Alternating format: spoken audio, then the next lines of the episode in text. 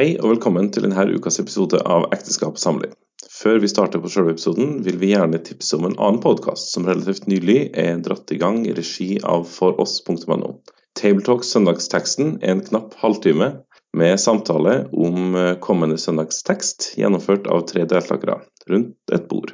Hver mandag legges episodene ut, og dette er virkelig glimrende for alle som ønsker en oppbyggelig samtale om søndagens tekster, og kanskje særlig for forkynnere som sjøl skal forberede seg til å tale. Så finn link og abonner på Tabletalks på foross.no. Velkommen til denne podkasten om ekteskap og samliv, som presenteres av den kristne ressurssida foross.no. Deltakere er Øyvind Kringstad og gjest Kjell Aanensen. Målet med podkasten er å styrke og hjelpe ekteskapene gjennom å snakke om og løfte fram viktige emner i samlivet. Dagens episode er en samtale, skråstrek intervju, med Kjell Aanensen. Eh, Kjell, velkommen til podkasten 'Ekteskap og samliv'. Jo, takk for det. du, jeg må si det. Jeg, jeg syns det er veldig spennende at du eh, er med, rett og slett. Um, og bare for å forklare bakgrunnen for at, uh, uh, for at vi har denne samtalen, da.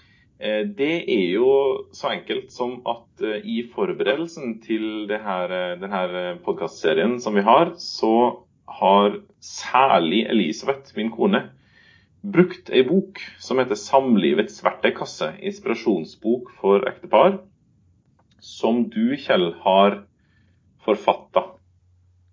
Og så, ja, i forlengelsen av det da, så har vi på en måte holdt litt kontakten og funnet ut at uh, ah, en samtale med Kjell det tror jeg kanskje kan bli spennende å ha som en episode eller tre av eh, podkasten. Eh, hvis du bare sånn helt kort skal eh, presentere deg sjøl, eh, ja, hva, du, hva, bruker du å si da?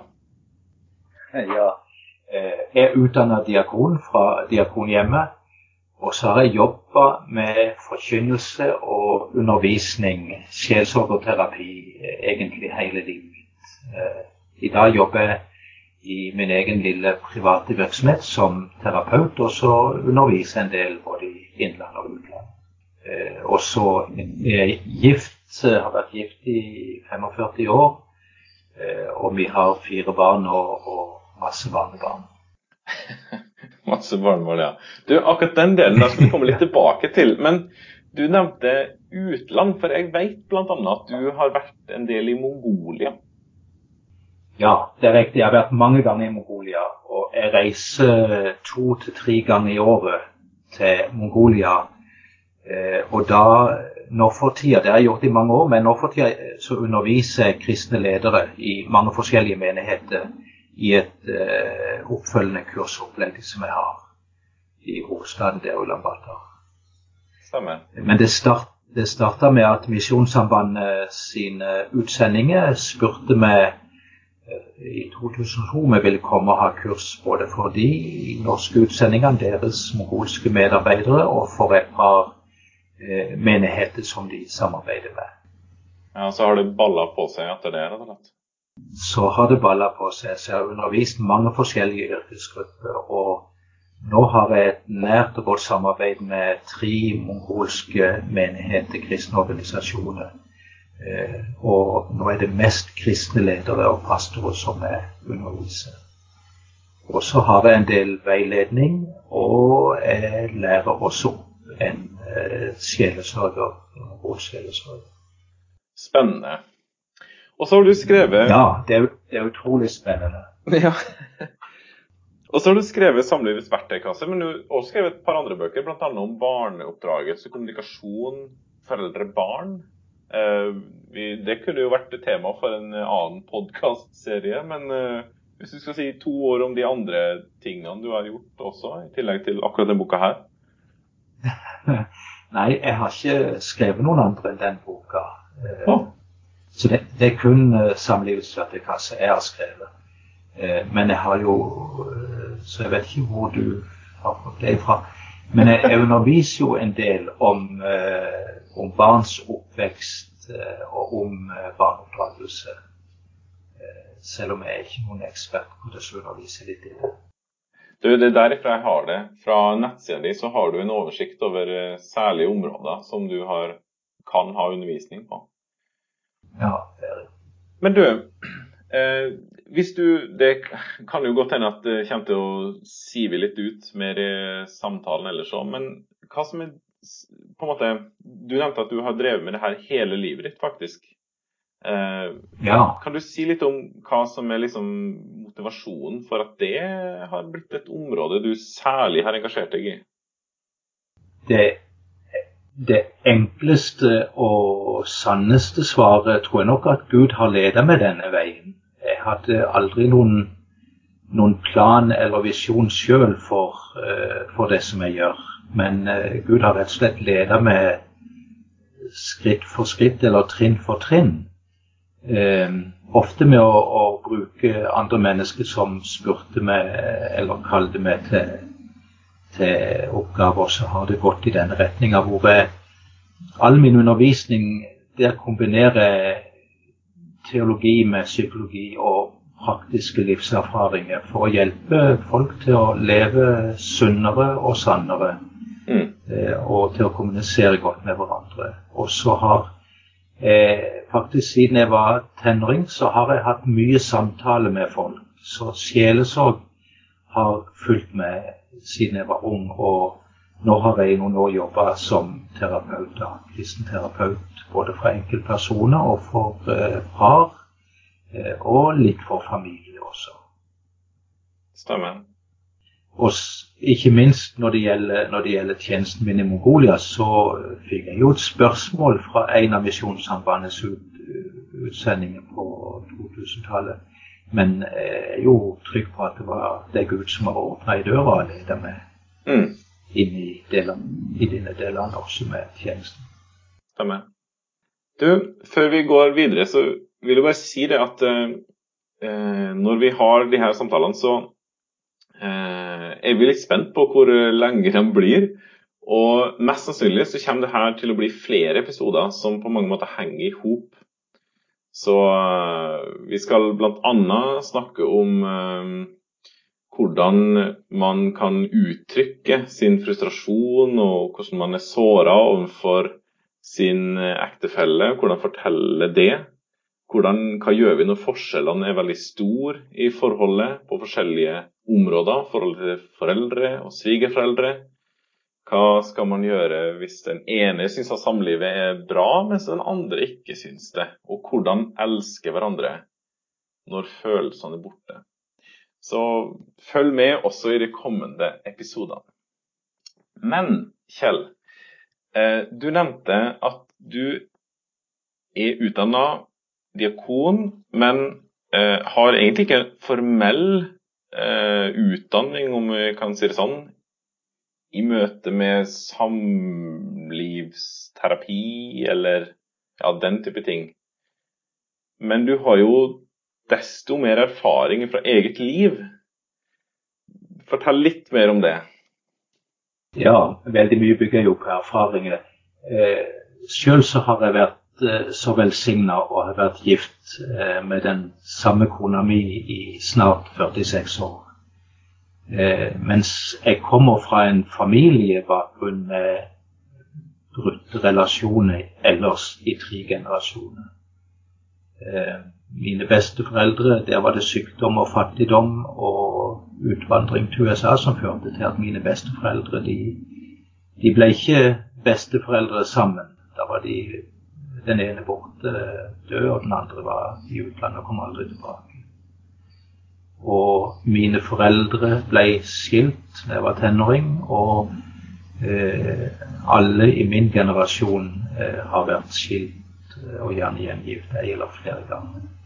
Så jeg kjenner òg fra egne erfaringer sånn sett eh, styrken og velsignelsen med å få leve i et livslangt eh, ekteskap, og òg smerten og, og det relasjonsoppløsende når eh, samliv går i stykker. eh, i en stor familie. Ja, og det, altså det er mange motivasjoner som vi har hatt til denne podkastserien eh, om ekteskap og samliv, men akkurat det du er inne på der, er jo en stor grunn til det. Altså behovet for å løfte de her tingene på dagsorden, fordi at det er så eh, alle har potensial, om vi skal si det sånn, da, for å ha et bedre samliv enn det man har. Samtidig som det er så mye å vinne på å unngå brudd. Med alle de smertelige erfaringene som, går, som brer om seg når det skjer. da. Ja, det er ingen tvil om det. Og når det, når det skjer samlivsbrudd, så, så, berører det selvfølgelig de to som går fra hverandre. Det berører i høyeste grad, eh, og det kan være skadelig for barna deres. Men eh, familiestrukturer løses opp i storfamilien også. Folk som hadde et nært forhold, de mister mye av kontakten, eller all kontakten med hverandre. Mm. Eh, så det, ska, det, skaper problemer for, eh, for veldig mange ja. når en samliv oppløses. Um, hvordan er det du eh, forholder, si, hvordan forholder du deg til det? Altså, når eh, du i ditt arbeid da, Eh, møte skal, skal, møte par i veiledning, i sjelesorg, eller kanskje bare én av dem. Eh, hva, kan du si litt om din fremgangsmåte? Eh, du nevnte, vi har jo snakka litt før, selvfølgelig, på at du ikke nødvendigvis kommer med løsningene til folk. Nei, Eh, jeg først og fremst så, så lytter jeg til dem. Og eh, noen ganger kommer bare den ene. Eh, og jeg lytter til vedkommende eh, med det som er vanskelig og vondt eh, i samlivet. Og, eh, og, vil jo alltid spørre om ikke det er mulig å få med den andre parten også, så jeg kan høre de begge to.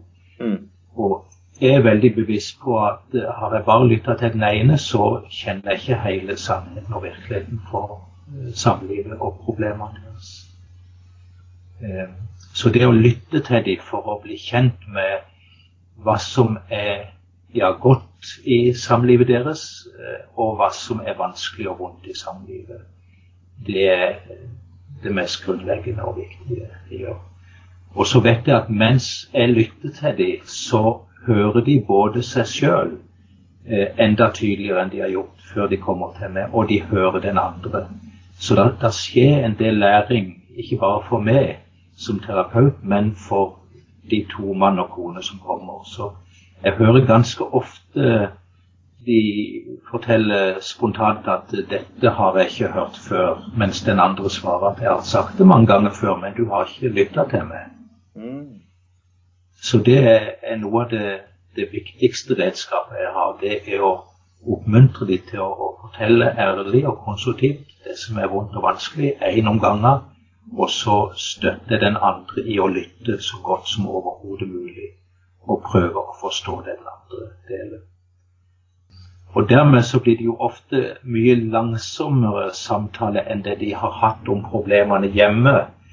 Eh, for det, der snakker en ofte i munnen på hverandre, og det går over i krangel og blir nokså høylytt. Mm. Eh, men, hos, men, min oppgave er å hjelpe dem til å snakke én om ganger, være konstruktive, ærlige, og så lytte godt og prøve å gi tilbakemelding på hva de forstår den andre sier. Og da skjer det vanligvis en del oppdagelser som etter hvert kan gi grunnlag for å finne eh, mulige løsninger. da.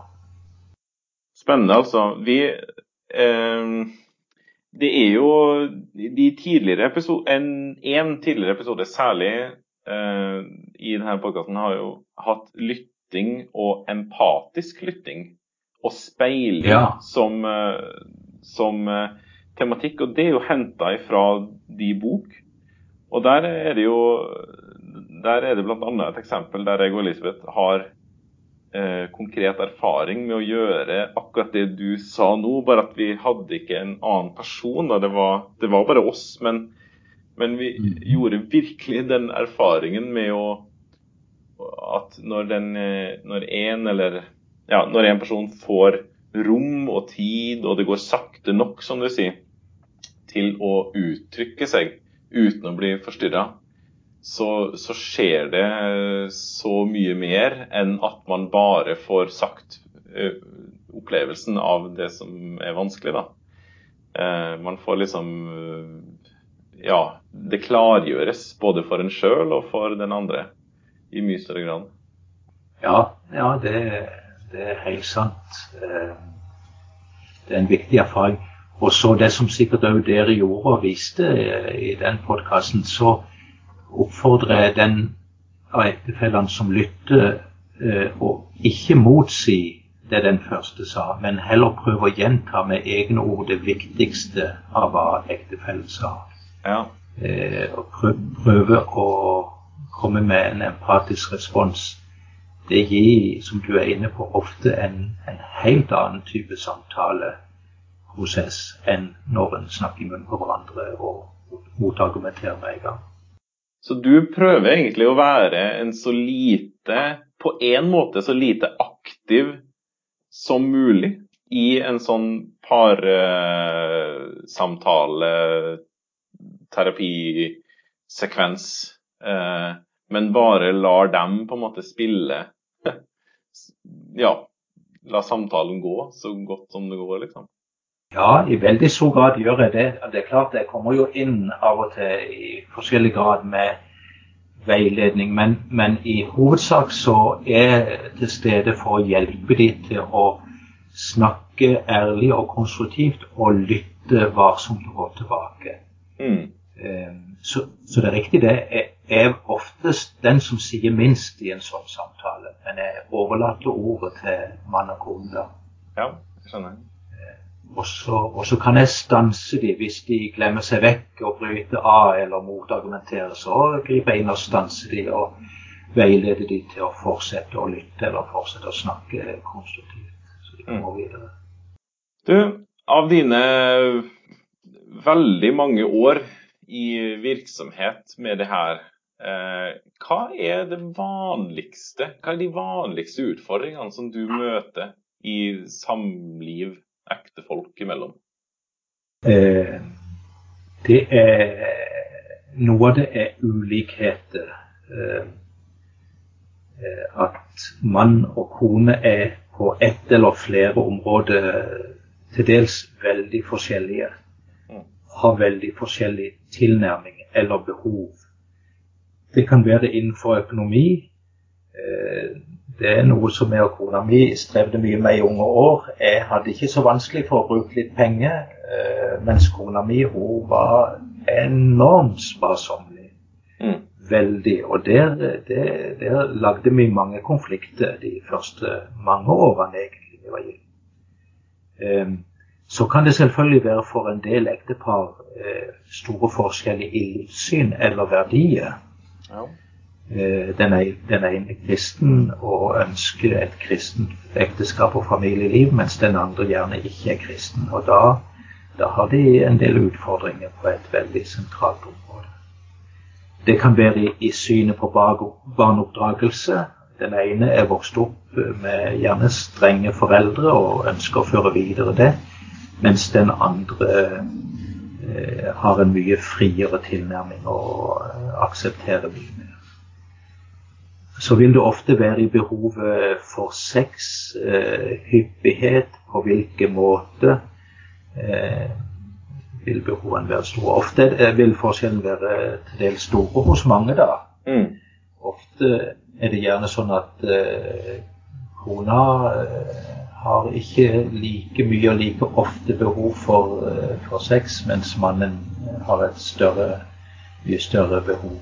Men det kan òg være motsatt. Mm. Det er en vanlig forskjell. Og òg rent sosialt. Den ene kan være en ekstrovert person, har masse kapasitet og behov for å være sammen med folk, både i familien, med venner og med andre. Mens den andre er introvert og trenger for sin egen del mye alenetid. Men òg at uh, hun eller han sammen med ektefellen er mer alene. Mm. Uh, der, der vil jeg ofte kunne oppstå utfordringer og konflikter. Ja, det er noe av, av det som På ulikheter. Ellers så er det som jeg jo har mest fokus på, det er jo det med kommunikasjonen, som er helt grunnleggende i alle relasjoner, og særlig i ekteskap og samliv og familieliv.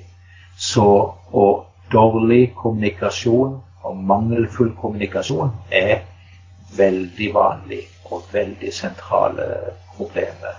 Mm. Og, og når, det er, når, det, når, vi sliter med kommunikasjon, og det tror jeg de fleste har vært borti eller kan streve med, så vil andre problemer og utfordringer tårne seg mer opp fordi en får rett og slett ikke avklart og snakka om det. Og en når ikke frem til en forståelse av den andre. Mm. Litt sånn følgefeil, liksom? Ja, rett og slett. Så det med kommunikasjon det er helt sentralt. Kan en kommunisere godt med hverandre, så kan en løse veldig mye. Mm. Og helst veldig tidlig, så ikke det tårner seg. Ja.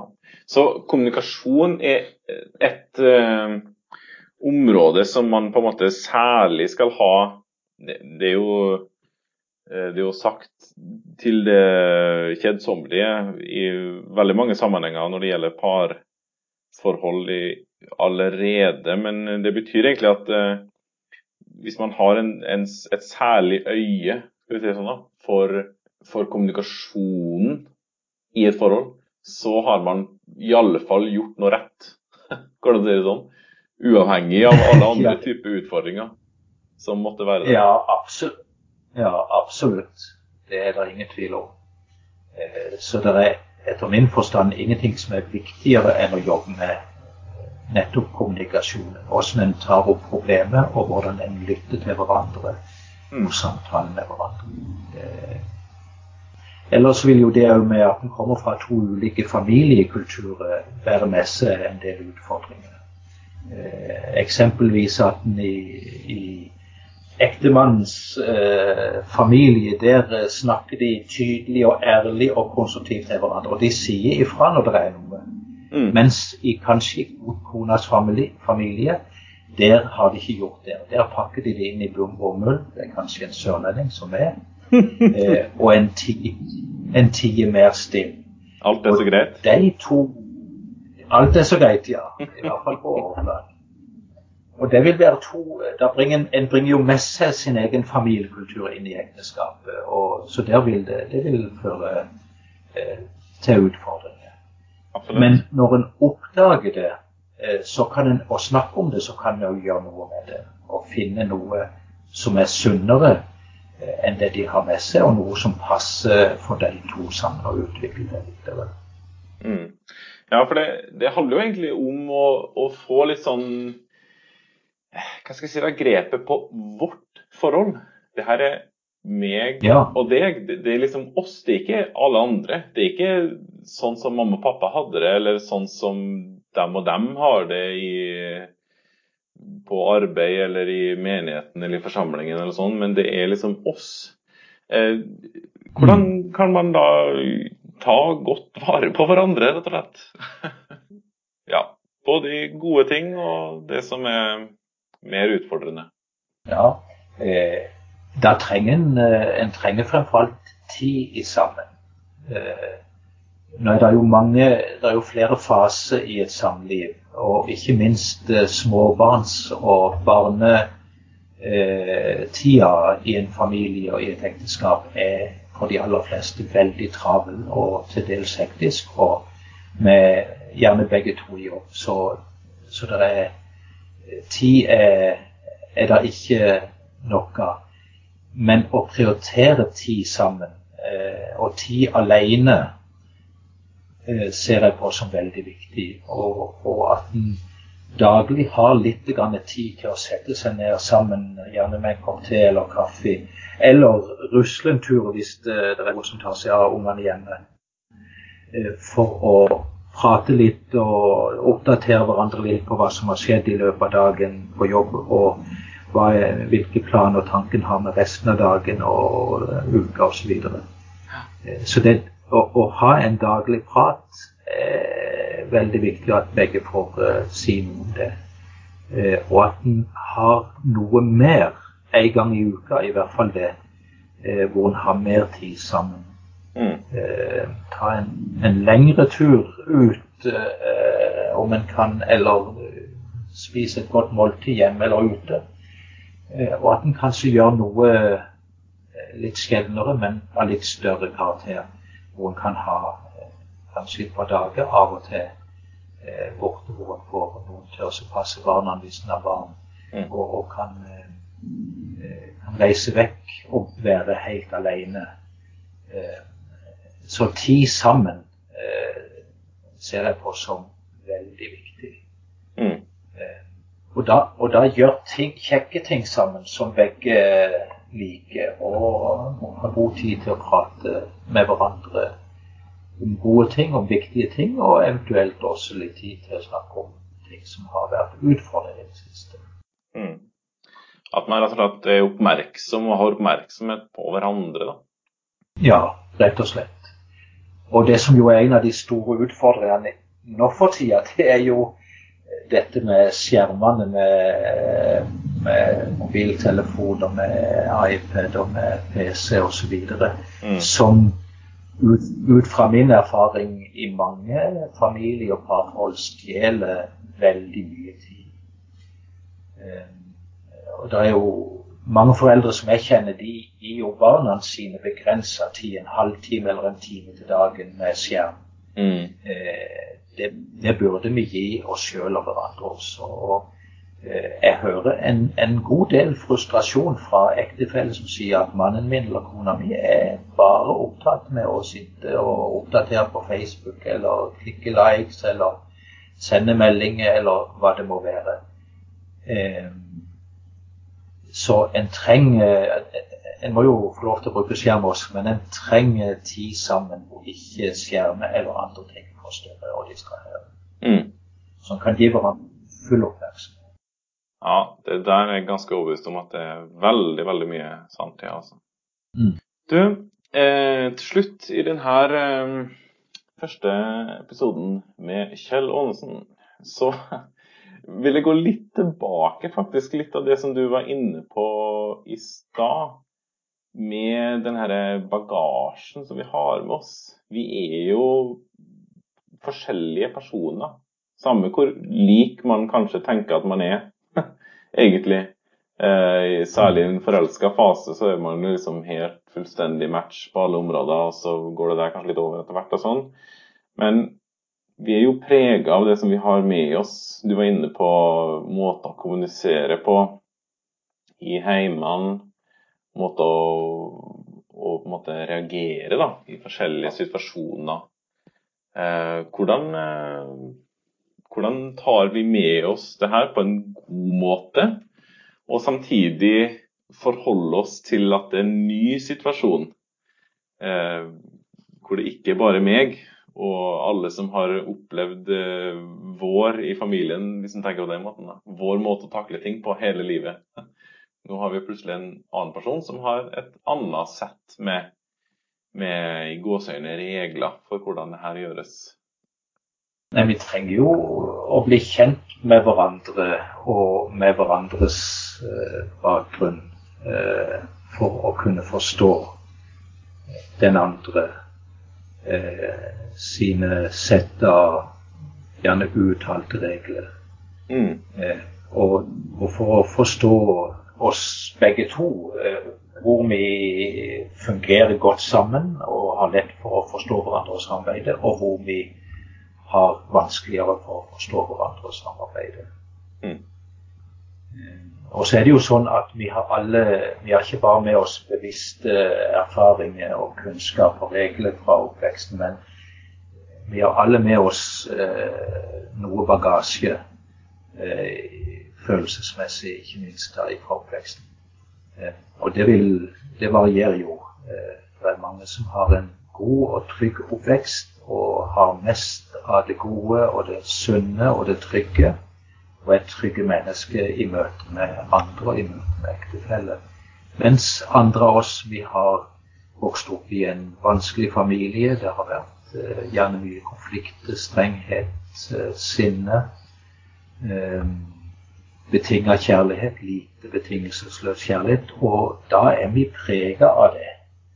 Eh, og det vil, tror jeg, slå aller mest inn i de aller nærmeste relasjonene, sånn som i samlivet og i forhold til, barna sine. Eh, så den bagasjen vi har med oss når, merker, når vi merker at her er det ting Her har jeg et reaksjonsmønster. Jeg blir fort sinna i de samme situasjonene. Eller jeg blir veldig lei meg i noen situasjoner. Eller jeg føler, meg, føler sjalusi uten at det er noen ytre grunn til å føle sjalusi. Merker jeg sånne følelsesmessige reaksjoner i meg sjøl Eh, så vil det, uten at jeg forstår hvorfor jeg reagerer sånn, så vil det ofte være ha sin opprinnelse i erfaringer tidlig i livet i oppveksten. Mm. Da er det viktig å se nærmere på det. Så da, med andre ord, så Ja, holdt på å si alle virker jo så kjekke og greie helt til du blir kjent med folk. Eh, og er det kanskje litt sånn her òg at eh, det er Ja, du sa det jo egentlig. At det er de, i de nære relasjonene at de her ja, negative tingene og ikke, tingene som ikke er så bra, at det er der det på en måte gir størst utslag. Det kan virke greit for folk rundt omkring som ikke nødvendigvis er så nært på, men så gir det seg ugunstige utslag i de nærmeste relasjonene? Ja, uten tvil. Det, det er der det trigges aller mest og aller oftest. Og da vil det være i samlivet og i, i familielivet, ja. Mm. Det vil det være. Jeg kan, jeg kan, jo ta et eksempel fra eget liv. Jeg var i mange år av, av barnas oppvekst så var jeg veldig hissig. Jeg kunne bli veldig fort sint Eh, og ofte av grunner som ikke var viktige nok til å, å, reagere på, og slett ikke sånn som jeg gjorde. Og det var i grunnen helt annerledes enn sånn som jeg kjente meg sjøl. For jeg var, før jeg gifta meg og fikk barn, så var jeg en veldig snill person, og som ikke ble sint i noe særlig grad. Eh, og i hvert fall ikke utrygg overfor andre. Og så, så kom det frem altså ei slime som jeg ikke hadde kontroll på og ikke var glad for i det hele tatt, og som jeg ikke eh, i første omgang skjønte hvorfor kom. Eh, det har jeg jobba mye med sjøl i å gå i terapi for mange år siden. Eh, og eh, da oppdaget jeg jo i god terapi at eh, her det hadde røtter i min egen oppvekst. Og og da fikk jeg også da hjelp til å bearbeide, så jeg kunne endre det usunne mønsteret. Mm. Altså, du har sjøl erfaring med å ta tak i den type atferd og, og, utspill, om du kan si det sånn. Og faktisk at det er mulig å få til en positiv endring. da. Ja, det har jeg. Og det er vel, det er vel ingen mennesker jeg jobber mer med enn med meg sjøl. Eh, og både og mest i at jeg har søkt hjelp i veldig kyndig og god terapi. Det gjorde jeg i mange år og hadde veldig stort utbytte av det. Eh, slik at dette hissige reaksjonsmønsteret det er ikke lenger en del av livet mitt. Det er mange, mange år siden. Tre-ti år siden jeg, jeg fikk hjelp til å endre det. Eh, ja. Så flott. Så ja, så forandring er mulig, eh, men da må vi ikke benekte eh, de problemene vi oppdager vi har, men vi må gå inn og, og søke hjelp. Ja. ja, og det er jo det som er litt av grunntonen som vi ønsker å fremme gjennom det her serien nå, at eh, vi må skape rom for hverandre til å si vet du hva, det er ikke så greit. Når mm. det og det skjer, kan vi snakke litt i lag? Kan vi finne ut av litt i lag det her eh, Sånn at det kan bli til hjelp både for meg sjøl og for eh, folk rundt meg. altså. Um, I neste episode Kjell, så skal vi gå mer inn på de tingene her, faktisk. Hvordan eh, eh forholder man seg til det når, eh, når eh, ting eh, er forskjellig og oppleves forskjellig i samlivet. Så tusen takk for at du var med nå, og så snakkes vi igjen. Takk for følget i denne episoden. Finn flere ressurser, og vær gjerne med og støtte oss på foross.no.